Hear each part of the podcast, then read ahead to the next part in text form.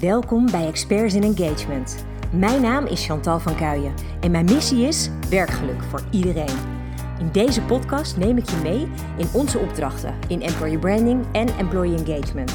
Ik deel onze casussen, ervaringen, uitdagingen en ik hoop dat je daar je voordeel mee doet en dat jij jouw organisatie transformeert in een sterk werkgeversmerk. Goedemorgen, goedemiddag of goedenavond, afhankelijk van, wanneer je het luistert. Het is weer tijd voor een, uh, een nieuwe aflevering. En ik wil vandaag weer eens een beetje de diepte in. Eventjes los van uh, employer branding wil ik weer eens eventjes naar jou als persoon. En je uitdagen en je prikkelen en hopelijk je inspireren.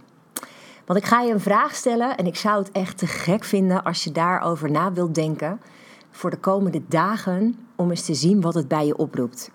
En de vraag is: wat zou je doen als je wist dat het niet kon mislukken?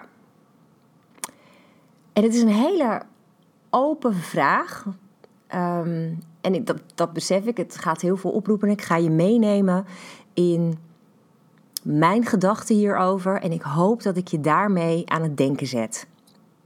Dus wat zou je doen als je wist dat het echt niet kon mislukken? Welke stappen zou je dan zetten? Stappen die nu misschien te groot lijken of misschien wel te risicovol? Zou je dingen in je werk veranderen of in je privéleven? Ik ging met deze vraag eens uh, googlen en toen kwam ik op een aantal fora terecht. En wat ik daar heel bijzonder vond is dat mensen vooral heel veel grote dingen noemden. Dus wat zou je doen als je wist dat het niet kon mislukken? Dan zou je bijvoorbeeld presidentschap nastreven, of oorlogen stoppen, of de wereld redden, of de baas worden van Amazon. Maar wat als je dat nu eens wat kleiner zou maken? Wat zou je dan doen? Zou je dan bijvoorbeeld je baan opgeven en voor jezelf beginnen? Zou je misschien eindelijk je partner ten huwelijk vragen na tien jaar relatie? Of zou je misschien verhuizen naar het platteland of nou ja, naar buiten de randstad? Waar het mij om gaat en waar ik je mee wil nemen, is dat je met een open blik je eigen toekomst bekijkt. Zonder in beperkingen te denken. Want als je met die open blik nadenkt over jouw toekomst en over wat je zou willen bereiken, dan creëer je via die gedachte die toekomst. Zoveel invloed heb je. Maar vanuit ons oerbrein zijn we gewend om meestal direct de nadelen en de risico's overal van te zien. Ons oerbrein wil ons veilig houden natuurlijk. Um, en dat is natuurlijk ook, ja, als je terugdenkt aan die oertijd, is dat prima te verklaren. Want daar moest je zeer alert zijn bij gevaar. En je brein werkt dus nog steeds zo. Als je iets naars overkomt, dan handel in eerste instantie vanuit je oerbrein. Of nou ja, reptiele brein, het is mooi het noemt. Dat beschermt jou.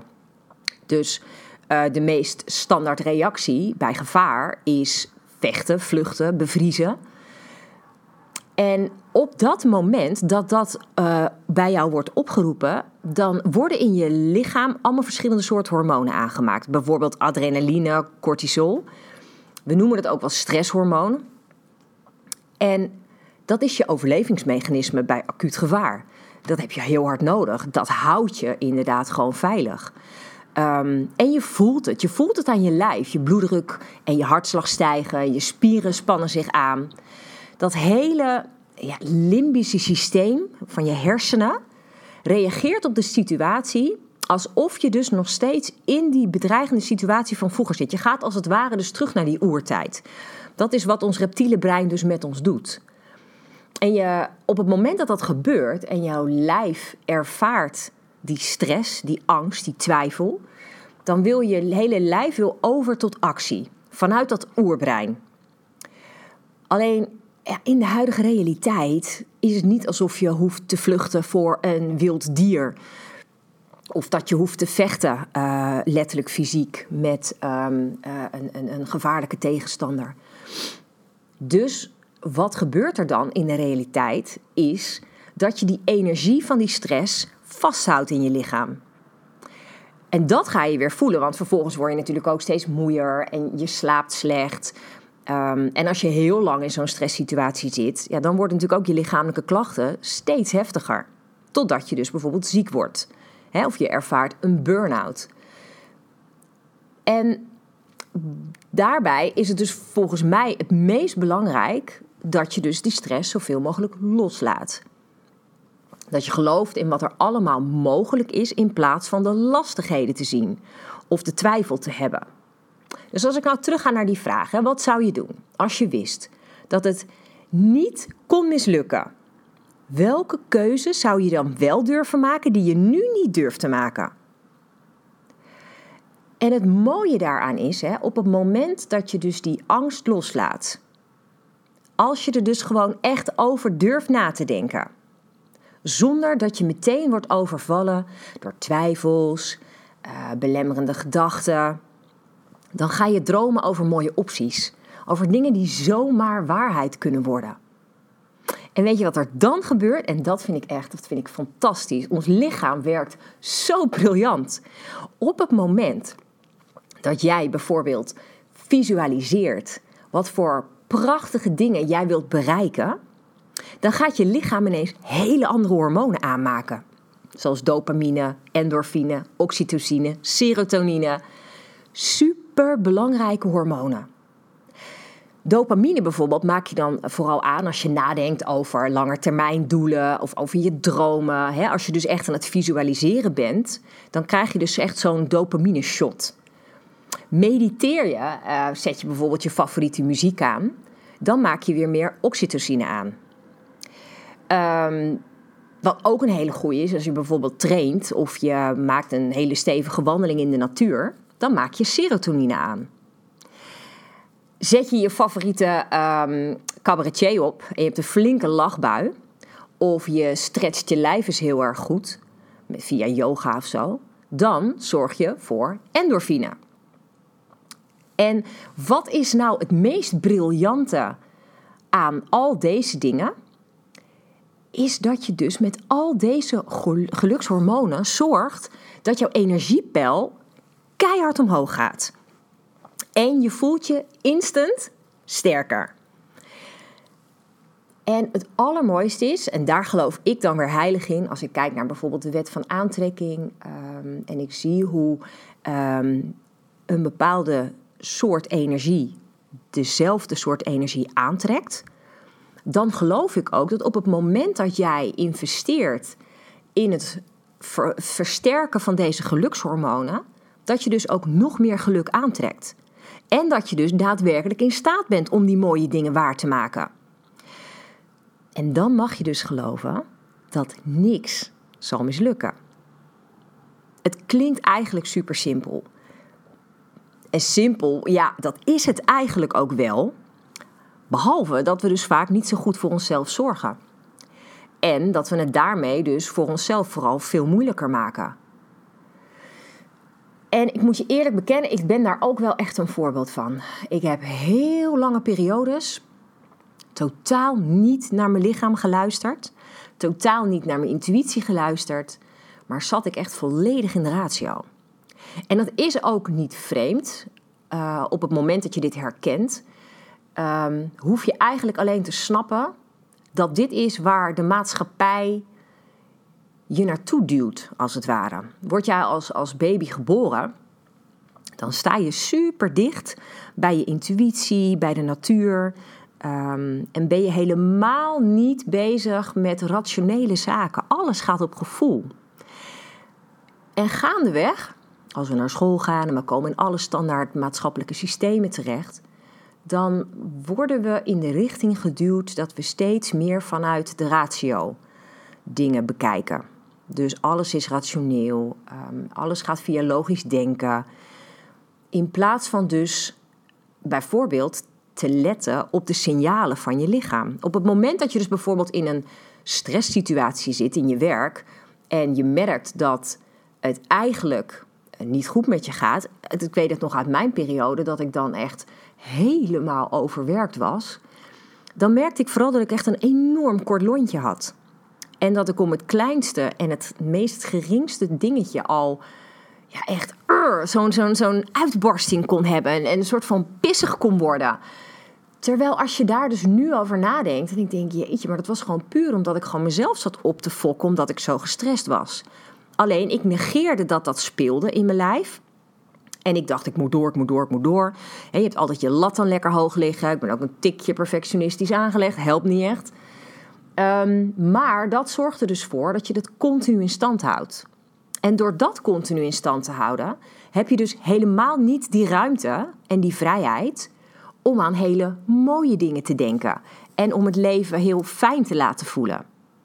En dat is wat ik eigenlijk heel graag wil meegeven. En het meest belangrijke daarbij is denk ik om te luisteren naar je lichaam. Gewoon is simpel even zitten, even niks doen, even nergens op letten, maar gewoon even zijn. Ademhalen. Um, letterlijk, scan je lijf even. Scan even of je ergens bepaalde spanning voelt, of pijn voelt, of uh, irritatie. Dat is het moment. Op, op dat moment, als je dan merkt dat je gewoon een bepaalde spanning vasthoudt, dan weet je dus dat je wat te doen staat. En in de praktijk doen we dat vaak helemaal niet. Zorgen we eigenlijk niet zo goed voor onszelf. En maken we het onszelf dus heel moeilijk om in die positieve vibe te komen. Dus als je luistert naar wat je lichaam te zeggen heeft en je doet iets zinnigs met die signalen, dus als je die stress voelt, dan daag ik je uit op het moment dat jij op die bank zit en je ervaart die stress, je voelt die spanning in je lijf. Zet dat dan eens om naar dankbaarheid. Wees dan dankbaar dat je dat signaal oppikt. En dat je het ziet als teken dat je iets ermee moet gaan doen. Het allermooiste is namelijk, het is een van de sterkste vibes die je kunt hebben. Een van de sterkste energieën die je kan hebben, is dankbaarheid. Op het moment dat jij in een moeilijke situatie kan zoeken naar de les die erin zit. Dus in, dit, in deze situatie, als je bijvoorbeeld heel gestrest bent en je zit even dat momentje en je beseft dat die stress er is, Wees dan dankbaar voor dat moment. Omdat dat misschien wel het keerpunt voor jou kan zijn dat je het anders gaat doen. Dat is natuurlijk waar je eigenlijk naartoe wil. En dat is ook hoe ik eigenlijk mijn leven probeer te leiden. Met elk moment dat er is dat moeilijk is, te genieten van de aller, allerkleinste momenten. Letterlijk te spelen met je kind, kinderen, met je huisdier, Ehm, met je partner, whatever, weet je, doe je ding. Ehm, wat ik bijvoorbeeld heerlijk vind, is als wij dan um, met z'n drieën de hei opgaan. En dingen als bijvoorbeeld, je hebt van die grote speciale, ja, dat is een soort van uh, schuim. Uh, vliegtuigen, die kan je overgooien. is echt fantastisch. Want je maakt een beweging. Je bent echt. Je zit dan helemaal in je lijf. Je bent buiten in de natuur, top en je bent ook nog in beweging. Vliegen bijvoorbeeld is ook zo'n mooi ding. Door te vliegeren zit je helemaal in dit moment. En dat is wat die gelukshormonen aanmaakt. Je kan het ook simpeler doen en zeggen nou, ik heb, eh, ik heb geen bos naast de deur, ik heb geen natuur in de buurt. Ehm, maar ik heb toch zin om eventjes flink die, ehm, die energie even te boosten. Zet dan gewoon muziek aan waar je helemaal happy van wordt. Dans lekker mee. Of maak muziek, als je daar goed in bent. Ook helemaal top. Um, knuffel is iemand heel intens. Of geef is iemand in je directe omgeving een heel welgemeend compliment. Het zijn allemaal dingen die de stress zo snel mogelijk laten verdwijnen. En die dus echt direct geluk toelaten. En ik ben ervan overtuigd dat geluk niet gaat om één groot moment. Geluk voor mij is een, een soort ketting met allemaal losse kraaltjes. En elk kraaltje is een geluksmomentje. En die hele ketting bij elkaar is dan mijn leven. En ik merk heel sterk dat dat ook voor mij het verschil maakt. Want iedereen heeft soms lastige momenten. Daar ontkom je niet aan. Het is ook gewoon de uitdaging van het leven. Het gaat erom hoe ga je met dingen om. En ik geloof er echt oprecht in dat als je voor jezelf eventjes die momenten kan pakken om gewoon puur te beseffen waar je nu bent en wat je nu voelt. Gewoon even stilstaan, eventjes landen. Even niet bezig zijn met wat er allemaal nog op de agenda staat. Of even niet bezig zijn met al die mails die binnenkomen. Maar gewoon even relaxed. Het mooie is, ik had vandaag echt zo'n perfect voorbeeld. Ik kwam binnen op kantoor en het eerste wat me opviel vanuit het raam is een prachtig uitzicht. Het is natuurlijk herfst inmiddels. En vanuit mijn kantoorraam heb ik uitzicht op echt de meest mooie bomen. Die de meest prachtige herfstkleuren laten zien. En er komt een beetje een zonnetje zo door. En ik zette een kop koffie en ik ging op de bank zitten en ik keek naar dat, naar dat uitzicht, naar die bomen. En ik had echt even zo'n ultiem geluksmomentje. Ik zat zo volop te genieten van dat bizar mooie uitzicht. En ik dacht, ja, dit is eigenlijk ook gewoon te gek. Dit, dit is mijn kantoor. Dit is de plek die voor mij ook heel erg thuis voelt. Ik voel me hier heel fijn. En dit was een extra kers op de taart. Gewoon even dat geluksmomentje genieten van die heerlijke koffie met het mooie uitzicht. En dat is wat ik jou toewens. Ik wens je zoveel momenten vol plezier, vol ontspanning en vol mooie momenten gewoon in het hier en nu. Ga doen waar je echt gelukkig van wordt. Begin daaraan met de overtuiging dat het niet zal mislukken. En dan gaat jouw leven er over een jaar zo anders uitzien. Het begint al meteen bij het eerste moment dat jij durft te dromen. Durf na te denken over de wensen die je hebt voor de toekomst. Doelen die je waar wilt maken. Op het moment dat je daarover begint te dromen en je voelt het enthousiasme. Al daarmee laat je je energie toenemen. Gaat je hele, ja, ze noemen dat een vibratie, gaat je vibratie omhoog. En door dat moment trek je dus dingen van diezelfde vibratie aan. Letterlijk, het geluk. Ik gun je dat. Ik wens je daar echt het allermooiste in. Dus ik hoop dat je vandaag jezelf die vraag durft te stellen. Wat zou je doen als je zeker wist dat het niet zou mislukken? Wil je hem delen? Dan vind ik dat echt super gaaf. Ehm, kan gewoon via een DM, via Instagram of uh, via LinkedIn of via de website empoweryourbranding.nl slash podcast. Ik zou het echt te gek vinden om, om jouw gedachten hierover te horen. Um, want ik hoop dat het je aan het denken zet. En vooral aan het genieten zet. Dank je wel dat je er weer bij was. Dank je wel dat je dit aan wil horen en dat je er op zijn minst misschien even een paar seconden over nadenkt. En uh, heel graag weer tot een volgende aflevering. Tot snel. Ik hoop dat deze aflevering je inspiratie oplevert. Misschien is dit wel jouw nieuwe begin. De start van een sterk employer brand. Of optimaal werkgeluk voor jou en je medewerkers. Maar waar loop jij tegenaan? Welke vragen heb jij? Stel ze vooral via onze website employerbrander.nl slash podcast. Dan kom ik er graag op terug in een volgende aflevering. Tot snel!